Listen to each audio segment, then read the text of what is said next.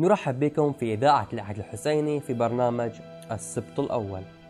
في هذا البرنامج بنناقش سيرة الإمام الحسن وبنسلط الضوء على بعض اللفتات في حياته الشريفة مع سماحة الشيخ حسن القصار حلقة اليوم بعنوان المرجعية الدينية في زمن الإمام الحسن. شيخنا وطنا نبدأ الموضوع في البداية. بسم الله الرحمن الرحيم. أهلا وسهلا بكم. وأبارك لكم هذه المبادرة الممتازة إن شاء الله ونسأل الله سبحانه وتعالى لكم الموفقية والسداد. في نشر علوم أهل البيت سلام الله عليهم أجمعين. إذا نجي نتكلم عن مسألة مرجعية الإمام الحسن سلام الله عليه، ممكن نستند إلى حديث الثقلين من الأحاديث الثابتة عن أهل البيت سلام الله عليهم أجمعين بل اعترف بها حتى علماء العامة قول النبي صلى الله عليه وآله إني مخلف فيكم الثقلين ما إن تمسكتم بهما لن تضلوا من بعدي أبدا. كتاب الله وعترتي أهل بيتي. وعترتي. فالإمام الحسن سلام الله عليه بعد استشهاد أمير المؤمنين يعتبر الرمز الأول على مستوى الإسلام. الذي أوصى به النبي صلى الله عليه وآله أنه لا بد أن يقتدى بمثل هذا النموذج وهو مثال للعترة الطاهرة. بل هو سيد العتره الطاهرة. فهذا هذه المرجعية ممكن نستفيد منها أو نستفيدها من خلال هذا الحديث. وغيرها طبعا من الأحاديث اللي وردت في شأن الإمام الحسن سلام الله عليه. بس هذا الحديث يعتبر أكبر إثبات. إي يعني أكبر دليل على حجية أقوال الإمام الحسن أفعاله سلوكياته. بل النبي صلى الله عليه وآله جعله هو الضمانه للأمة من عدم الانحراف. يعني النبي صلى الله عليه حينما قال لهم صلى الله عليه وآله حينما قال لهم أني مخلف فيكم الثقلين ما إن تمسكتم بهما. تمام بهما اثنين يعني شيئين عندنا لن تضلوا من بعدي أبدا كتاب الله وعترتي أهل بيتي. فلم يجعل أي مرجعية أخرى غير الكتاب والعتاد الطاهره فهذا يعتبر يعني خلينا نعبر عنه ضمانة من الانحراف ضمانة من الضلال. ما يحصل للأمة ضلال وانحراف ما داموا متمسكين بأهل البيت سلام الله عليهم أجمعين وكذلك متمسكين بالقرآن الكريم. عجيب. زين أح- الحين السؤال إن التاريخ يدل إن معظم الناس في ذاك الوقت صفوا ويا معاوية ما صفوا ويا الإمام الحسن. فلو وش كان السبب؟ ليش؟ يعني إحنا إذا بنرجع للجبهة التاريخية أو النقطة التاريخية فيما يرتبط ب ترك الأ- ترك الأمة. إلى الأئمة سلام الله عليهم أجمعين. لم يكن فقط منحصر بزمن الإمام الحسن بل المصداق ال- الأكبر في ترك الأمة للعترة هو أمير المؤمنين سلام الله عليه. وهذا امتد فيما بعد. يعني صار على نوعا ما نقدر نقول رأي عام موجود ورأي أقلية موجود. الرأي العام تركت أهل البيت سلام الله عليهم أجمعين وركضت خلف السقيفة وأتباع السقيفة وجماعة السقيفة واتجهوا بهذا الاتجاه.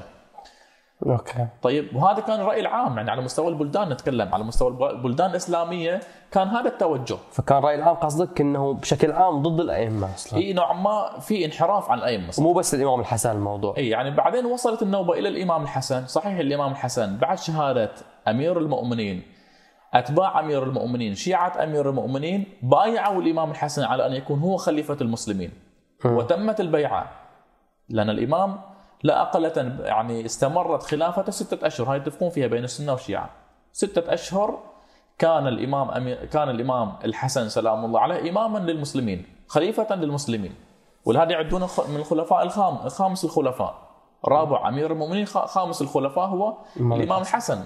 إلى أن فيما بعد وقع الصلح بين الحسن وبين معاوية لأسباب موجودة هني صار نوعا ما الخلافة نحن نعبر عن الخلافة الظاهرية توجهت إلى معاوية والأمة أتباع الإمام الحسن بقوا يعني اللي يعتقد بإمامة الإمام الحسن يقول لك أنا حتى لو الحسن تنازل عن هذه الخلافة الظاهرية كما تنازل أمير المؤمنين سابقا عن الخلافة الظاهرية إلى فلان وفلان يظل وفلان. هو ال... يبقى هو الإمام. أوكي. يبقى هو الحجة. طب ليش ليش تنازل الامام الحسن عن طبعا إذا نجي للظروف الموجودة. الظروف الموجودة اللي خلت الإمام الحسن اللي هو يعتبر مرجعية الحق. هي مرجعية اللي الله سبحانه وتعالى والنبي جعلها في هذه الأمة حتى لا يحصل انحراف ولا يحصل ضلال ولا يحصل زيغ ولا ميل إلى باطل.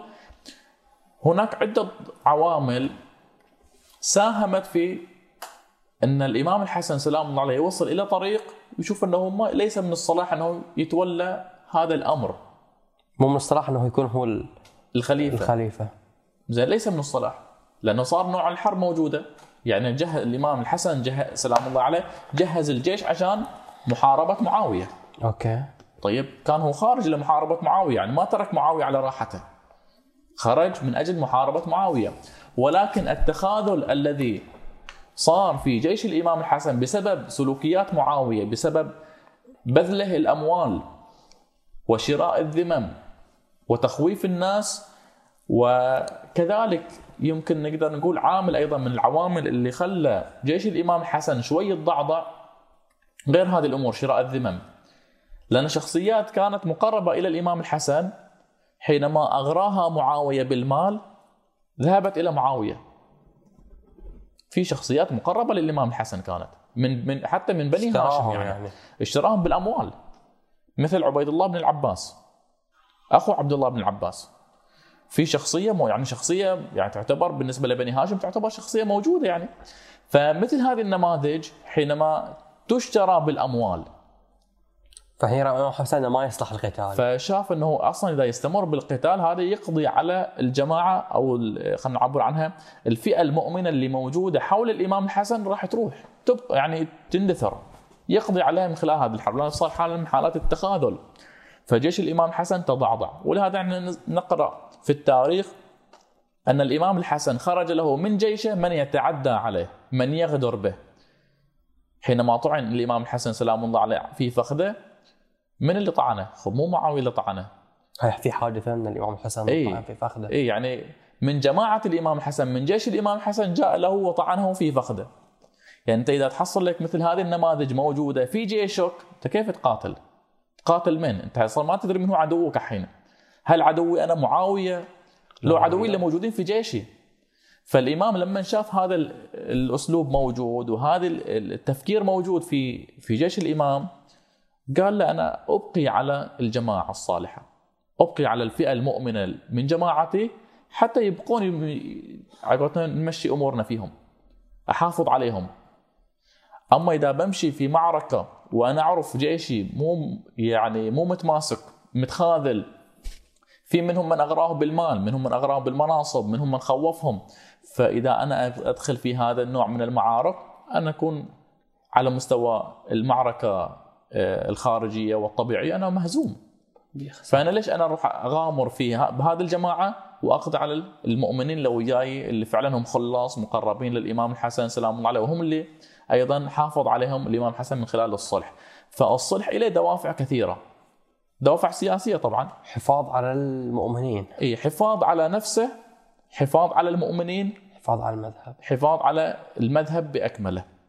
يعني لما يحافظ الإمام الحسن على يعني وهذا بعض المؤرخين وكذلك بعض بعض المحققين يقولون بأن صلح الإمام الحسن هو الذي مهد لثورة الحسين. أوكي. يعني كانما باصطلاح الحين الموجود استراحة محارب. إن الحسن هادن صلح ولكن هذا الصلح ما يقعد هو في بيته وجالس لا يعني يعد العدة من جديد. يمهد ال- الأرضية إلى الإمام الحسن عفوا إلى الإمام الحسين من بعده. حتى أوكي. هو فيما بعد يأتي ويكمل دورة ويكمل نشاطه وتكون ثورة كربلاء وقعت عاشوراء فيما بعد. فالأمة انصرفت عن أهل البيت. خب طبيعي قضية الإعلام قضية الأفكار الموجودة 25 سنة يقصى أمير المؤمنين عن الخلافة هذا مو شيء سهل لأن إحنا لما نتكلم إنه أمير المؤمنين يقصى عن الخلافة 25 سنة يعني جيل كامل يتربى في شنو؟ في الابتعاد عن أهل البيت ما يعطي أهل البيت دورهم الحقيقي أو حجمهم الطبيعي حتى ما يدرون أصلا ممكن بعضهم ما يدري. الجيل الجديد ما يدري. ولكن الجيل السابق يدري يعرفون يدري شافوا يعني في جيل سابق حضروا واقعة الغدير. الجيل السابق عاينوا احداث السقيفة وشافوا أمير المؤمنين ويا النبي صلى الله عليه وآله. هذا الجيل السابق. ولكن أنا بتكلم عن 25 سنة يعني اللي توفى النبي صلى الله عليه وآله وكان عمره هذا الشخص مثلا عمره سنة واحدة أو سنتين. بيجي عقب 25 سنة يعني عمره 26 27 خلاص يعني هذه ذهنه وفكره وعقيدته ومنهجه تشكل زين على أي أساس بيتشكل هذا الفكر؟ على أساس الشيء الموجود في, في الواقع في, في المجتمع في البيئة. إيه إيه. وهذا اللي موجود في البيئة هل هو مع أهل البيت لو ضد أهل البيت؟ ضد أهل البيت. ضد أهل البيت. والإعلام كان كامل ضد أهل البيت. اي يعني هناك أمور إعلامية على مستوى آه، ما نقول يسمونه دس في الأحاديث. يعني كتمان الأحاديث. اللي في فضائل أهل البيت. من جهة تحريف الأحاديث فيما بعد إضافة أحاديث جديدة. هذا في الأخير راح تسبب لنا حالة من حالات التغيير حتى على مستوى العقائدي في أذهان الناس. وهذا ممكن إحنا نذكر مثال إليها. أنه أمير المؤمنين سلام الله عليه كنموذج فقط هذا حتى تعرف أنه باي قد الأمة انحرفت. أوكي. زين. أمير المؤمنين سلام الله عليه حينما انتصر في معركة الجمل. خلاص. استتب الأمر لأمير المؤمنين. يعني وانكسر جيش الطرف الآخر. الجمل وصاحب الجمل وأصحاب الجمل. انكسروا. فأذن المؤذن فصلى أمير المؤمنين بالجماعة. صلى بجيشه. من ضمن الجيش أيضا أهل البصرة صلوا وياه. يعني اللي من جماعة أصحاب الجمل. صلوا ويا أمير المؤمنين. أوكي. عقب ما انتهوا من الصلاة الآن راح عن بالي من هو اللي يتكلم. ولكن قال ذكرنا هذا بصلاة رسول الله. يعني شنو ذكرنا بصلاة رسول الله؟ يعني إحنا طيلة هالسنوات نصلي مهم. ولكن مو صلاة الرسول. لهالدرجة. يعني الصلاة تغيرت. أنت ممكن واحد يقول معقولة يعني الصلاة تتغير؟ يعني الأمة ما تصلي؟ تصلي الأمة ما شافت النبي تصلي؟ يصلي. نعم شافته يصلي. الأمة ما كانت تشوف النبي كيف يتوضأ. كانوا يشوفونه. ولكن مع ذلك الوضوء تغير. مع ذلك الأذان تغير. الإقامة تغيرت. الصلاة تغيرت. شنو بقى في الدين بعد؟ هذا على مستوى الأمور وإيش العبادية؟ أوكي. فكان الإعلام موجه ضد الإمام الحسن وساهم إنه ما يكون له شعبية ولا اي ممكن نقول هذا الكلام. طبعا مو بس الإمام الحسن هو المظلوم. المظلوميه الأولى مظلومية أمير المؤمنين. وكل المظلوميات اللي جاءت فيما بعد كلها بسبب مظلوميه الأولية. أول ما يعني هذا إحنا في زيارة الإمام أمير المؤمنين نقول السلام عليك يا أول مظلوم ظلم. أول مظلوم ظلم.